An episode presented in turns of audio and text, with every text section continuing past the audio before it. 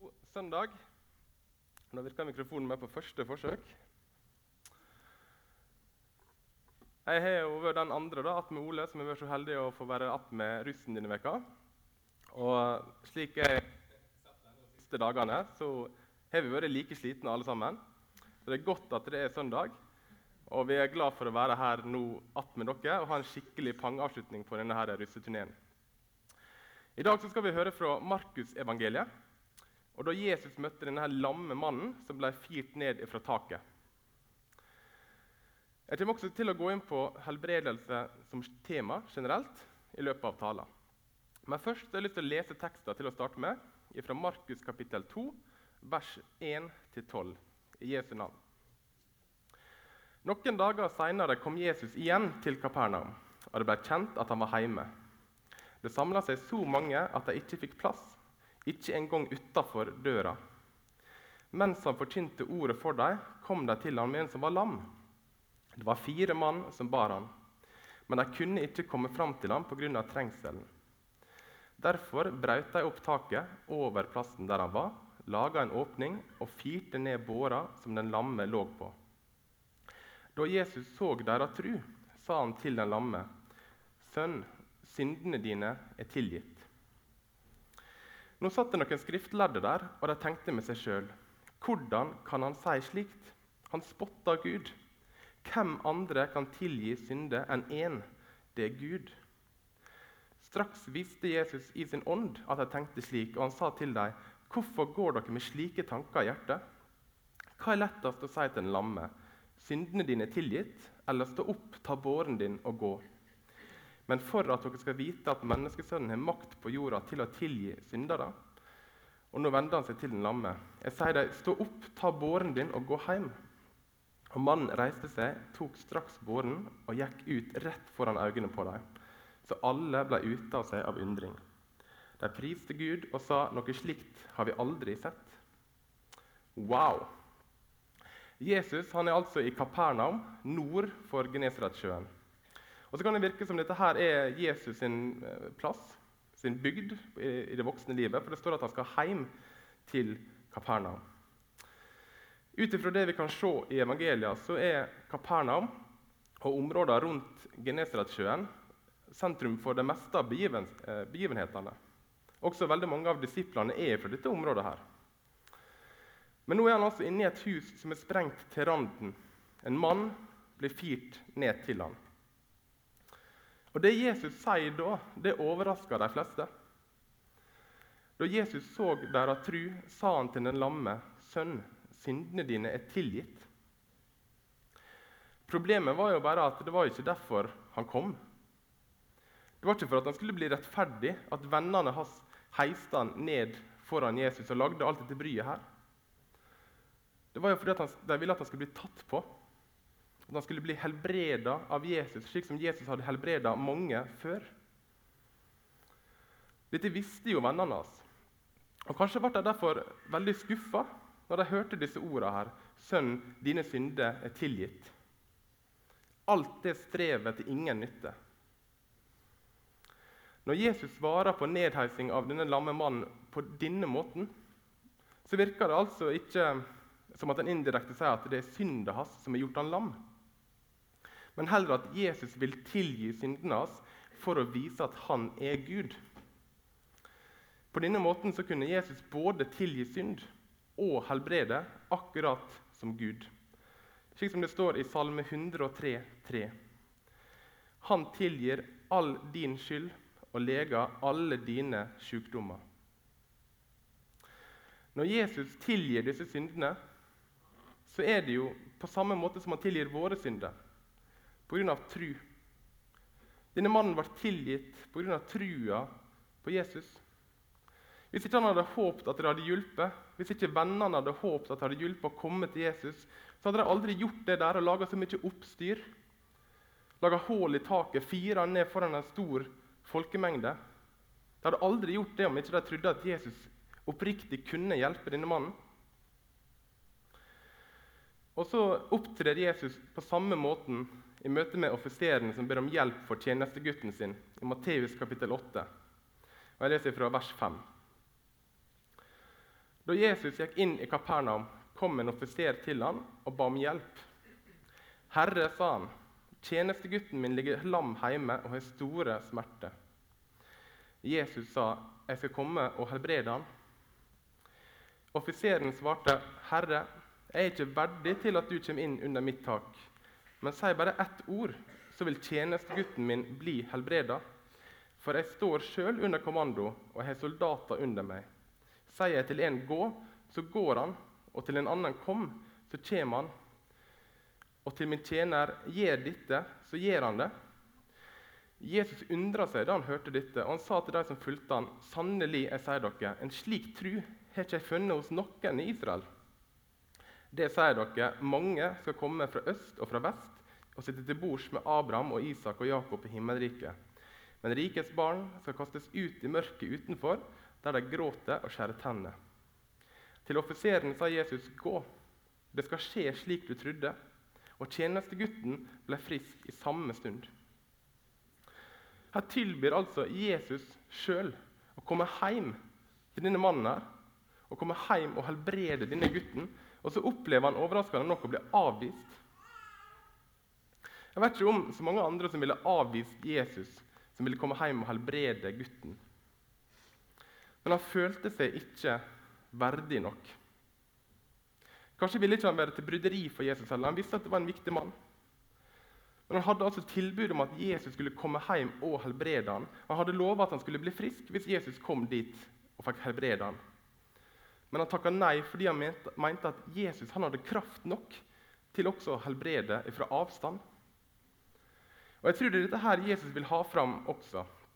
At Den trua det er snakk om, er ikke bare en tilslutning til denne læra, men rett og slett ekstremt stort håp og tillit til at Jesus både kan og vil hjelpe. Dette kaller Jesus sjøl den største trua han har møtt i Israel. Og Det forteller oss også om noe, som, hva som er det viktigste. denne Håpen og tilliten til Jesus, at han kan klare ting som, vi, eh, som er utenkelig for oss. Men hvis vi går tilbake til teksten, her, eh, så leser vi at de skriftlærde de begynte å murre seg imellom. De tenkte vonde tanker om Jesus. Anstøt av at Jesus opphøyer seg sjøl som Gud og gir seg sjøl en fullmakt som bare Gud kan ha, og tilgi synd. Det er ikke så rart at de skriftlærde reagerte for så vidt. For de hadde helt rett. Det er kun Gud som kan tilgi synd. Problemet var at de så ikke at Gud sto rett framfor dem. Og Noe av det mest spennende med teksten for min egen del det er at Jesus har denne evnen til å lese tankene til de skriftlærde før de sier et ord. Før de har rekt å stille disse spørsmålene, så besvarer han dem. Og Det i seg selv er jo et mektig svar på hvem Jesus egentlig er. Og så blir jo denne helbredinga etterpå bare toppen av kransekaka. Hvis det var noen som fortsatt var i tvil, så fikk de nå enda en grunn til å tro på Jesus. Og Bibelen forteller oss om flere grunner til at helbredelse av syke var viktige for Jesus. Helbredelsesundra var jo i seg sjøl et bevis på at Jesus var Messias, som de hadde venta på. Gud var i han, han var Gud. Og siden det fantes en slik guddommelig person på jorda, så er det også naturlig at det gir seg utslag i guddommelige under. Overnaturlige hendelser, som f.eks. det å helbrede lamme og blinde. Jesus viser at han er heva over naturkreftene, over alt det skapte. Og Denne fortellinga viser oss også om Jesus sin omsorg. Omsorg som gjelder for hele mennesket. Både det åndelige og også for helsa vår. Han viser oss at han har makt til å hjelpe oss. Det vi umiddelbart legger merke til i denne fortellinga, er jo helbredelsen. Dette underet. Den lamme kan gå. Og Det er jo et utrolig under. Det skjer på et øyeblink. Men det viktigste og djupeste underet er likevel tilgivelsen som denne mannen får. For når all vår synd er tilgitt, da kan vi også stå oppreist foran Gud. Ikke bare gå, stå oppreist og gå rundt her på jorda. Og det er det som virkelig betyr noe, å stå oppreist foran Gud, syndfri og rettferdige. For alt det andre her på jorda blir bare en bonus. Syndene dine er tilgitt. Det var altså det Jesus svarte med når han så den lamme mannen bli senka ned fra taket. Hvorfor sa han det? Var det slik at han var enig med fariseerne om at de som var alvorlig syke, at de hadde synda grovt mot Gud? Sier han altså her at det var riktig? At lamme og blinde er større syndere enn andre? Eller hadde mer syndig familie? For det var jo det som var oppfatninga. Den var gjennomsyra i det jødiske samfunnet. At det var slik det hang sammen. De måtte ha en forklaring på det. Og Til og med disiplene gikk med slike tanker. At om det skjedde noe gale med deg, så var det din egen skyld. Tenk å få den Tenk å være blind, tenk å være lam og ha det så utrolig vanskelig som det er på den tida. Å være syk. Og så i tillegg få det på deg at du eller foreldrene dine er noen grusomme, forferdelige syndere som har gjort fæle ting mot, mot Gud eller mot medmennesker. Og så er det jo ikke slik at Jesus gjorde dette her da kun for å opphøye seg sjøl eller å peke på Gud. Nei, han har faktisk et oppriktig hjerte for de svake og de sjuke. Det er noe som vi ser igjen i omtrent alle fortellingene om Jesus. Han står på de svakes side. Og så får vi vite veldig tydelig at Jesus han har medlidenhet med de syke. For Hvis vi går til slutten av kapittel 1 i Markus, så står det skrevet om den spedalske mannen. Jeg har lyst til å lese vers 40 og 41 der. En mann som var spedalsk, kom til han, falt på kne og ba om hjelp. Om du vil, kan du gjøre meg rein. Jesus fikk inderlig medfølelse med han, rakte ut handa og rørte ved han. Jeg vil, sa han, bli rein. Jesus har inderlig medfølelse med de syke. Det er en viktig grunn til at vi ser så mange helbredelser i Bibelen.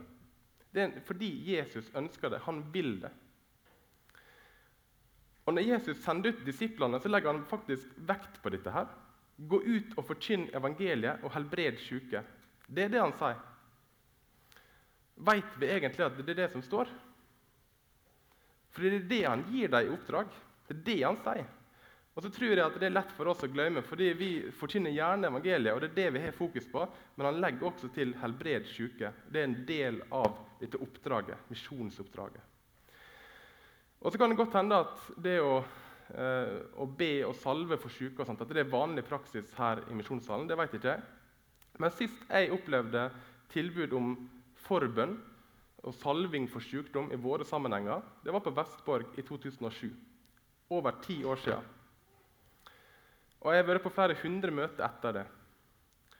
Men sist gang, forrige måned, sist gang jeg var på et pinsemøte, så var det tilbud om forbønn og salving for syke framme ved scenen. Hvorfor er det slik? Dette er ikke en oppgave som er gitt til karismatiske menigheter eller til andre. Dette er gitt til alle kristne. Bibelen forteller oss faktisk at det er vårt ansvar. I Markus 6,13 der er akkurat Jesus sendt disiplene ut to og to. Og så forteller de at de salver mange syke med olje og helbreder dem. Vi ønsker jo alle at at alle våre forsamlinger skal være helbredende fellesskap. Et fellesskap som bryr seg om hverandre. Fordi vi er brødre og søstre i Kristus. Og Har vi noen syke blant oss, så skal de få kjenne at de slipper å stå helt alene med sykdom og smerte. For når ett lem lider, da lider alle lemmene med, som Paulus sier i 1. Korinterbrev. Og så er Det klart at det er ikke alle som har fått helbredelsens nådegave. Det er kun gitt til noen. Men det er allikevel knytta løftet til det å be og salve for syke. Og Det er også en del av dette her oppdraget vårt, misjonsoppdraget.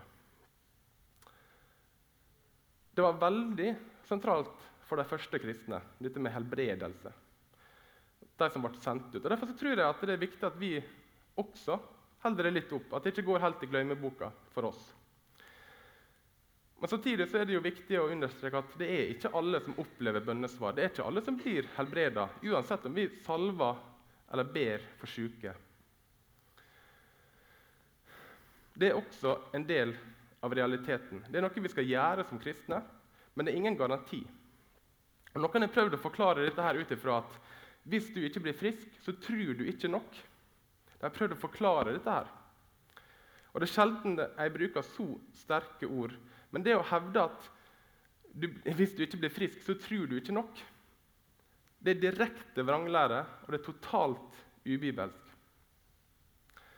Jeg møtte en gang en kristen mann etter møtet. En godt voksen kar. Og Han ville fortelle meg en ting om akkurat denne teksten. her. Han hadde slitt lenge med syka si, og til slutt så måtte han også slutte i jobben sin. Denne tunge og mørke depresjonen som han bar på, den var for tung å bære. Men etter hvert kom han seg litt og litt og litt mer til seg sjøl igjen. Han begynte å gå litt på møte igjen, kom seg litt ut. Og så turte han også etter hvert å vitne om hvor tungt han hadde hatt det på dette her lokale bedehuset som han gikk på. Og Etter møtet så var det en annen mann fra bedehuset som tok tak i han og så sier han til han, 'Jeg veit hva som feiler deg.' Og så denne mannen undrende på han. Det var helt åpenbart. Du tror ikke på Gud, du.